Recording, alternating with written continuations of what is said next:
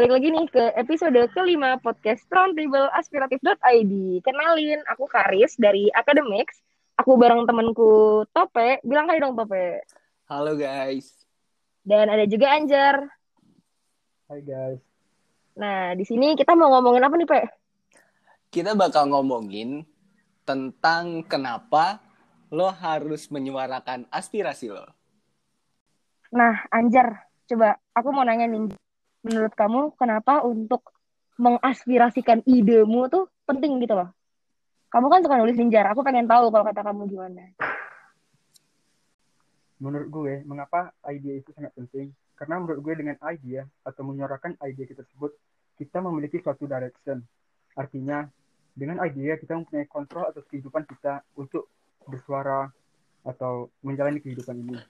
Artinya, uh, kita memiliki goal, tujuan, ataupun direction karena kalau jika kita tidak memiliki idea, maka kita akan drifting through life. Mudah pasrah dengan apa yang mudah bagi kita, tidak berani mengambil risiko untuk mencapai suatu idealisme. Bahkan uh, kalau kita mengkorelasikannya dengan histori Indonesia, bayangkan jika Pancasila tidak menjadi suatu ideologi yang merupakan juga gabungan dari beberapa idealisme yaitu seperti dari humanisme, uh, nasionalisme, demokrasi dan juga keadilan sosial. Jadi itu sih menurut gue pentingnya sebagai direction maupun uh, pathway dari jalan kehidupan kita. Nah, itu gue sependapat banget sama Anjar. Kalau uh, idea itu emang sangat penting buat kita, apalagi sebagai generasi muda. Nah, uh, kalau dari lo sendiri, Riz, um, menurut lo seberapa penting sih lo nulis idea lo? Hmm, sebenarnya tuh kalau misalnya aku ngutip perkataannya Pramudia Anantatur, buset, kayak orang bener aja ya. Tapi kayak dia pernah bilang, sepandai-pandainya orang itu adalah orang yang menulis. Jadi kayak, dan menurutku kalau misalnya emang kamu punya gagasan yang bagus, tapi kamu nggak berani nyuarain ke orang, cuma kamu pendem ke diri kamu sendiri, ya buat apa gitu loh. Dan I think writing is the best way untuk kamu bisa menyuarakan apa yang ada di isi kepala kamu ke orang banyak. Dan kayak, that is a very good way to get your voice heard out in the world gitu loh. Ya nggak sih guys? Bener banget Karis. Nah, kalau gue mengutip ada suatu peribahasa Latin, verba volant scripta manen. Artinya, perkataan lisan akan sangat mudah dilupakan, tapi tulisan akan tetap selalu ada. Nah, menurut gue, dengan menulis ide tersebut, kita dapat menyalurkan baik itu dalam bentuk opini, argumen, karya tulis maupun hal-hal lainnya yang dapat diketahui oleh halayak banyak. Jadi, uh, mengapa penting? Itu karena sebagai transfer of knowledge of idea. Gitu sih dan menurut gue kalau benefitnya secara personal itu sebagai artefak kita di masa depan. Nah, itu keren banget sih pendapat lo berdua, Riz. Jar. Uh, sekarang gue pengen uh, bicarain kepada realitas. Uh, mungkin uh, buat gue sendiri atau mungkin akan kebanyakan orang yang seumuran sama kita juga bisa kepikiran sih tentang ini. Uh, gue penasaran sebenarnya eh, orang-orang dengan umur yang sepantaran sama kita itu biasanya punya banyak pendapat mengenai suatu isu dengan beragam referensi uh, di mana informasi yang se yang dengan mudah bisa kita akses dan kita bisa membaca dari segala media. Dan kita jadi punya banyak informasi tentang suatu isu yang mengakibatkan kita punya banyak pendapat tentang isu itu. Tapi uh, pada akhirnya kemudian isu-isu yang kita dap yang kita bicarakan biasanya kita bicarakan sama teman-teman waktu belajar kelompok atau mungkin waktu sambil zoom atau sambil nongkrong dan lain-lain menurut gue akan lebih bagus kalau kemudian semua pembicaraan itu di mana terjadi krit menurut gue di setiap pembicaraan itu terlepas dari tempat dan waktunya itu akan terjadi suatu kritisi atau bentuk pendapat karena di situ uh, terjadi uh, pertukaran informasi antar orang di mana yang itu akhirnya menghasilkan sebuah pendapat baru yang akan sangat bagus kalau kita catat. Dalam hal ini kalau kita menulis kita menulis idea kita berdasarkan realita yang terjadi seperti itu mungkin akan sangat menarik kalau dibaca sama orang kalau menurut lu uh, gimana Riz? Dan Anjar? kebayang sih pe kamu ngomong kayak gitu. Jujur kayak apa ya? Dulu aku pas SMA kayak enggak sih. Ini aku tuh ngomong aku ngomong sekarang seakan-akan aku orang bener. Padahal sebenarnya enggak ya. Tapi dulu kayak pas SMA jujur kayak pretty takut when it comes to kayak saying uh, statements apalagi di sosial media yang menurutku bakal nyinggung orang yang menurutku kok kayak terlalu politis kok kayaknya gue SJW banget ya cuma kayak the fact that sekarang SJW become a bad word itu kayak not a bad word SJW jadi sebuah kata dengan konotasi yang cenderung negatif kayak Hah, that's pretty sad gitu loh. Karena seakan jadinya tuh orang-orang yang sebenarnya eh kebebasan kita berpendapat itu kan kayak dijamin oleh negara.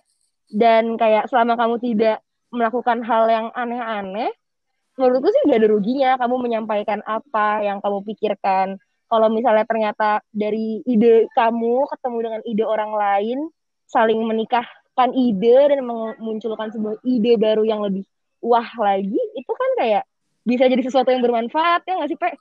Yoi bener banget. Tapi aku nggak tahu sih Pe, kamu pernah ngerasain hal yang sama kayak aku apa enggak? Kamu kan kayak bang gagah, bang strong gitu. Pernah nggak sih kamu ngerasa kayak gue mau ngomong cuma kayaknya nggak enak, takut orang-orang nggak setuju. Nggak harus ngomong sih kayak aku pengen beropini gini cuma kok kayaknya eh mending enggak pernah nggak sih lo kayak gitu? Apa gue doang? Oh pernah pernah banget walaupun dalam uh, pendapat lo ada majas hiperbolanya tapi nggak apa-apa. Mungkin emang lo puitis banget orangnya. Uh, aduh amin deh puitis. kalau dari pengalaman gue tentang berpendapat di mana dalam uh, suatu kondisi akhirnya uh, gue mengurungkan niat berpendapat itu sendiri dan akhirnya gue mengalihkannya. Ya mulai dari hal kecil mungkin nge-tweet dan lain sebagainya itu pastinya pernah banget yang antara lain misalnya uh, perilaku-perilaku teman-teman lo di sekolah atau yang pertama uh, yang penting sih gue nggak suka banget kecurangan ya uh, uh, dan di mana kayak uh, gue gue punya pendapat gue sendiri tentang kecurangan yang di mana kalau gue share itu ke beberapa orang atau teman-teman gue secara langsung ya mungkin mereka akan uh, berbeda pendapat dan akhirnya bisa beradu argumen yang nggak uh, sesuai pada tempatnya gitu. Jadi ya gue mulai mulai aja nulis dalam hal ini ya uh, mungkin gue mulainya dari nge-tweet tapi akhirnya dari mulai tweet itu uh, ada banyak orang lain yang berpendapat uh, yang mungkin sepaham sama gue walaupun juga ada yang sepaham dan terjadi diskusi dan akhirnya gue uh, bisa punya banyak informasi dan pendapat orang yang beragam berbagai macam gitu di media sosial. Karena dengan banyaknya pengguna media sosial dan uh, akses informasi yang tidak terbatas dalam suatu pendapat itu akhirnya kita punya banyak kesempatan juga tahu pendapat tentang orang mengenai argumen-argumen kita dan lain sebagainya. Dan itu akhirnya bisa jadi inspirasi kita buat mulai um, menulis lebih rinci lagi atau menulis yang lebih informatif lagi uh, yang akhirnya bisa kita publish dan itu akan menjadi sebuah isu yang bisa dibaca oleh banyak orang, dipahami atau bahkan diperdebatkan oleh banyak orang. Kalau menurut gue gitu sih, Riz. Nah, benar banget kata Lupe. Kalau persoalan menulis saat ini itu mengenai paradigma dan juga platform untuk kita menulis. Nah, kalau masalah paradigma ini menurut gue kita harus percaya atau memahami bahwa hukum telah menjamin kebebasan kita untuk berpendapat dan juga menulis. Selain itu, menurut gue di abad 21 ini skill menulis merupakan skill yang sangat penting baik itu dalam inter di organisasi, universitas maupun di dunia karir kita nanti saat setelah tamat dari institusi pendidikan. Nah kalau masalah platform menurut gue uh, sangat banyak untuk kita menulis saat ini baik itu melalui blogspot, WordPress maupun kita membuat domain sendiri uh, sebagai domain untuk blogger. Nah kalau yang paling efektif menurut gue media untuk menulis yaitu aspiratif.id karena di sini kami banget kalau kita bisa menyuarakan opini, ide-ide dan juga argumen mengenai permasalahan di sekitar kita. Gitu sih, Teh. Wah, keren juga tuh aspiratif.id, Jer. Kalau boleh tahu, lu pernah nulis gak di aspiratif.id, Jer? Nah, kebetulan nih, setahu gue aspiratif itu telah menulis sebanyak 13 artikel maupun esai yang diterbitkan baik itu di Medium maupun di Instagram aspiratif.id itu sendiri. Nah, itu topiknya ada berbagai macam, baik itu hukum, politik, uh, culture, education. Nah, di situ dan juga filsafat. Nah, di sini menurut gue anak-anak muda baik itu generasi milenial maupun para mahasiswa dapat memberikan tulisannya atau menginsert tulisannya di aspiratif.id. Nah, nanti tulisan tersebut akan kami seleksi untuk diterbitkan uh, di platform tersebut. Wah, sabi banget tuh, Jar. Uh, kalau benefits dari gue nulis terus gue share ke aspiratif ID, menurut lo apa, Jar? Nah, kalau menurut gue sendiri, secara pribadi, itu merupakan uh, kita akan mendapatkan berbagai opportunity. Uh, seperti networking, uh, dengan tulisan kita yang bagus, kita akan dilirik berbagai orang, baik itu untuk sebagai sarana bertukar pendapat, kritik akan tulisan yang kita buat, untuk perbaikan berikutnya, maupun hmm. sebagai konstruksi berpikir terhadap permasalahan yang kamu angkat. Wah, sabi banget. Kalau sekarang gue udah paham sih kalau idea itu penting, nulis itu penting, dan platform medianya juga udah tersedia, uh, dan gampang diakses juga nih, Jar. Tapi kayaknya gue ada satu kendala lagi di Jar. Uh, gue minta saran dong atau motivasi gimana caranya gue bisa numbuhin motivasi gue buat mulai menulis idea atau pendapat gue tentang sesuatu isu. Hmm, Oke, okay. menurut gue yang pertama itu kalian harus paham akan status aku saat ini. Uh, apa yang permasalahan jadi saat ini maupun uh, problem solve apa yang ingin kalian angkat. Nah, berangkat dari status quo itu, kalian identify uh, poin-poin yang dapat menjadi uh, isi dari tulisan kalian. Nah, setelah itu, kalian berikan argumen, baik itu dari sisi regulasi, opini, argumen, maupun doktrin, untuk memperkuat uh, tulisan kalian. Nah, setelah kalian mendapatkan poin-poin tersebut, kalian ambil kesimpulan berdasarkan uh, perspektif maupun idealisme yang kalian punya. Nah, cara menumbuhkan yang paling kuat untuk gue kalian harus uh, niat dulu yang pertama. Dan yang paling penting, jangan menganggap bahwa beridealis itu orang yang memiliki gagasan paling hebat atau paling bagus. Karena itu bukanlah idealisme, tapi suatu hal yang naif. Karena ide itu senantiasa dinamis dan berevolusi atau beradaptasi dengan kondisi kita masing-masing. Nah, maka itu kita harus tanggap akan isu-isu yang terjadi baik dalam masa sekarang maupun yang akan kita perkirakan di masa yang akan datang dengan kita aware akan uh, isu persoalan hidup di sekitar lingkungan kita, kita akan memiliki ide uh, untuk disalurkan baik itu dari berbagai medium kepada halayak ramai. Nah itu sih yang penting niat dan juga aware akan uh, permasalahan di sekitar. Jangan ber, pernah sekali-kali bersikap skeptis ataupun tidak peduli dengan uh, kejadian sosial, fenomena-fenomena maupun isu-isu dalam lingkup nasional maupun global. Gitu, Pe. Nah, gue riset terlebih dahulu bagaimana uh, permasalahan uh, fakta hukumnya, fakta kejadian di masyarakatnya bagaimana. Nah, setelah itu gue cari uh, apa namanya opini dari berbagai public uh, figure. Sehingga argumen yang gue berikan di Twitter maupun di medium lainnya itu lebih konstruktif. Bukan hanya secara personal gue yang uh, mengedepankan emosional tetapi menyampingkan rasional. Gitu sih. Nah, tapi itu menjadi turning point gue untuk bisa menulis argumen yang konstruktif. Nah, caranya gimana? Nah, gue riset terlebih dahulu bagaimana uh, permasalahan uh, fakta hukumnya, fakta kejadian di masyarakatnya bagaimana. Nah, setelah itu gue cari uh, apa namanya opini dari berbagai public uh, figure sehingga argumen yang gue berikan di Twitter maupun di medium lainnya itu lebih konstruktif bukan hanya secara personal gue yang uh, mengedepankan emosional tetapi menyampingkan rasional. Gitu sih. Wah gue relate banget sih sama pengalaman lu Jer. Dan itu juga hmm. menurut gue akan relate sama kebanyakan orang saat ini. Karena menurut gue juga semakin kita menyuarakan pendapat akan semakin banyak juga orang yang gak sependapat sama kita.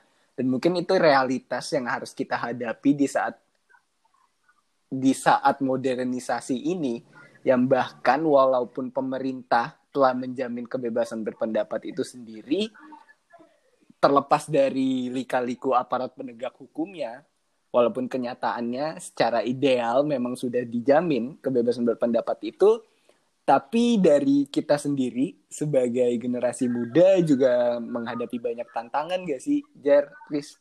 Misalnya uh, yang pertama orang-orang yang gak sependapat sama kita, yang kemudian mengkritik atau uh, menyalahkan argumen kita dengan cara-cara yang tidak benar, ataupun yang kedua kemudian dengan latar belakang yang masih muda ini biasanya jadi inceran banget tuh buat orang-orang yang gak sependapat.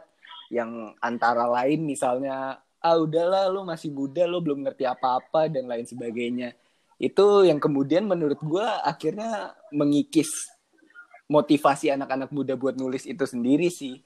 Dan menurut gue solusi yang paling tepat buat ngatasin itu adalah lo mulai berani nulis kayak apa yang lo lakuin jar. Kayak motivasi dan saran dari lo. Kok menurut lo gimana Riz tentang isu bahwa motivasi motivasi untuk menulis itu sekarang uh, diancam oleh lingkungan generasi muda itu sendiri Riz. Sumpah kayak gimana ya Pak ya? Aku paham banget sih pas kamu ngomong kayak gitu. Sometimes our work gets discredited just just because just because gitu loh. Karena kayak nggak ada alasan apa apa kayak orang ya dari kita kecil sering nggak sih kayak udahlah kamu tuh nggak paham. Udahlah kamu tuh masih muda. Tapi kayak aku ngerti itu emang bisa sangat menyakitkan semangat kita. It makes us feel down and everything. Tapi then again kayak kalau aku pribadi naif sih ngomong kayak gini. Tapi kayak kalau misalnya kita nggak nyoba terus ya ya udah. We're not going anywhere. Kayak lebih baik berproses sedikit demi sedikit daripada tidak sama sekali kan? Dan kayak menurutku kalaupun emang kamu nggak berani untuk ngepost di mana-mana kamu cuma nulis di draft twittermu doang atau cuma mendem di notes. Tapi kayak paling nggak kamu melatih kemampuan kamu nulis di situ. Kamu melatih kemampuan kamu bernalar berlogika. Making sure that each and every sentence is cohesive and everything. Dan kayak it's a very good start ke depannya. Karena kayak nggak apa-apa kamu nggak harus memaksakan diri untuk berani menyuarakan suaramu di depan orang banyak. Because that's definitely a very intimidating thing. Tapi kayak ya nggak sih? Baby steps wah betul banget tuh Riz nah karena itu tuh gue ngerasa media-media yang bisa memfasilitasi kita sebagai generasi muda buat menyuarakan pendapat kita kayaknya akan bermanfaat banget ke depannya buat kita menghadapi orang-orang yang gak sependapat dengan cara-cara yang gak benar itu. Nah, gue setuju banget sama Loris. Oleh karena itu gue berpendapat juga nih bahwasanya media-media yang bisa memfasilitasi kita buat menyuarakan pendapat kita akan berguna banget buat kita menghadapi orang-orang yang gak sependapat dengan kita apalagi dengan cara-cara yang tidak wajar itu. Dan ini kesempatan yang besar banget buat kita punya panggung yang kemudian kita diberi fasilitas untuk menyuarakan pendapat kita. Kalau menurut lo gimana aja berdasarkan pengalaman lo nulis di aspiratif? Hmm, menarik teh. Gue to the point aja ya. I think the strongest weapon against hateful speech it is not repression, but it is more speech. And how to be more speech? I think the answer is aspiratif.id. Nah, terus buat yang penasaran, empat fokusnya aspiratif ada apa aja? Pertama, kita adalah hukum dan hak asasi manusia. Kedua, ada politics and global affairs ketiga youth and education, dan yang terakhir ada sastra dan filsafat. Jadi kalau kamu muda, kamu berani, dan kamu mau nulis, nah lah, aspiratif itu right place for you, ya nggak sih? Ya nggak sih? Iya banget dong, ya nggak sih, Setuju okay. banget. Nah, kami tunggu karya kalian di Aspiratif ID. Sekian untuk podcast kali ini. Sampai jumpa hmm. di roundtable selanjutnya.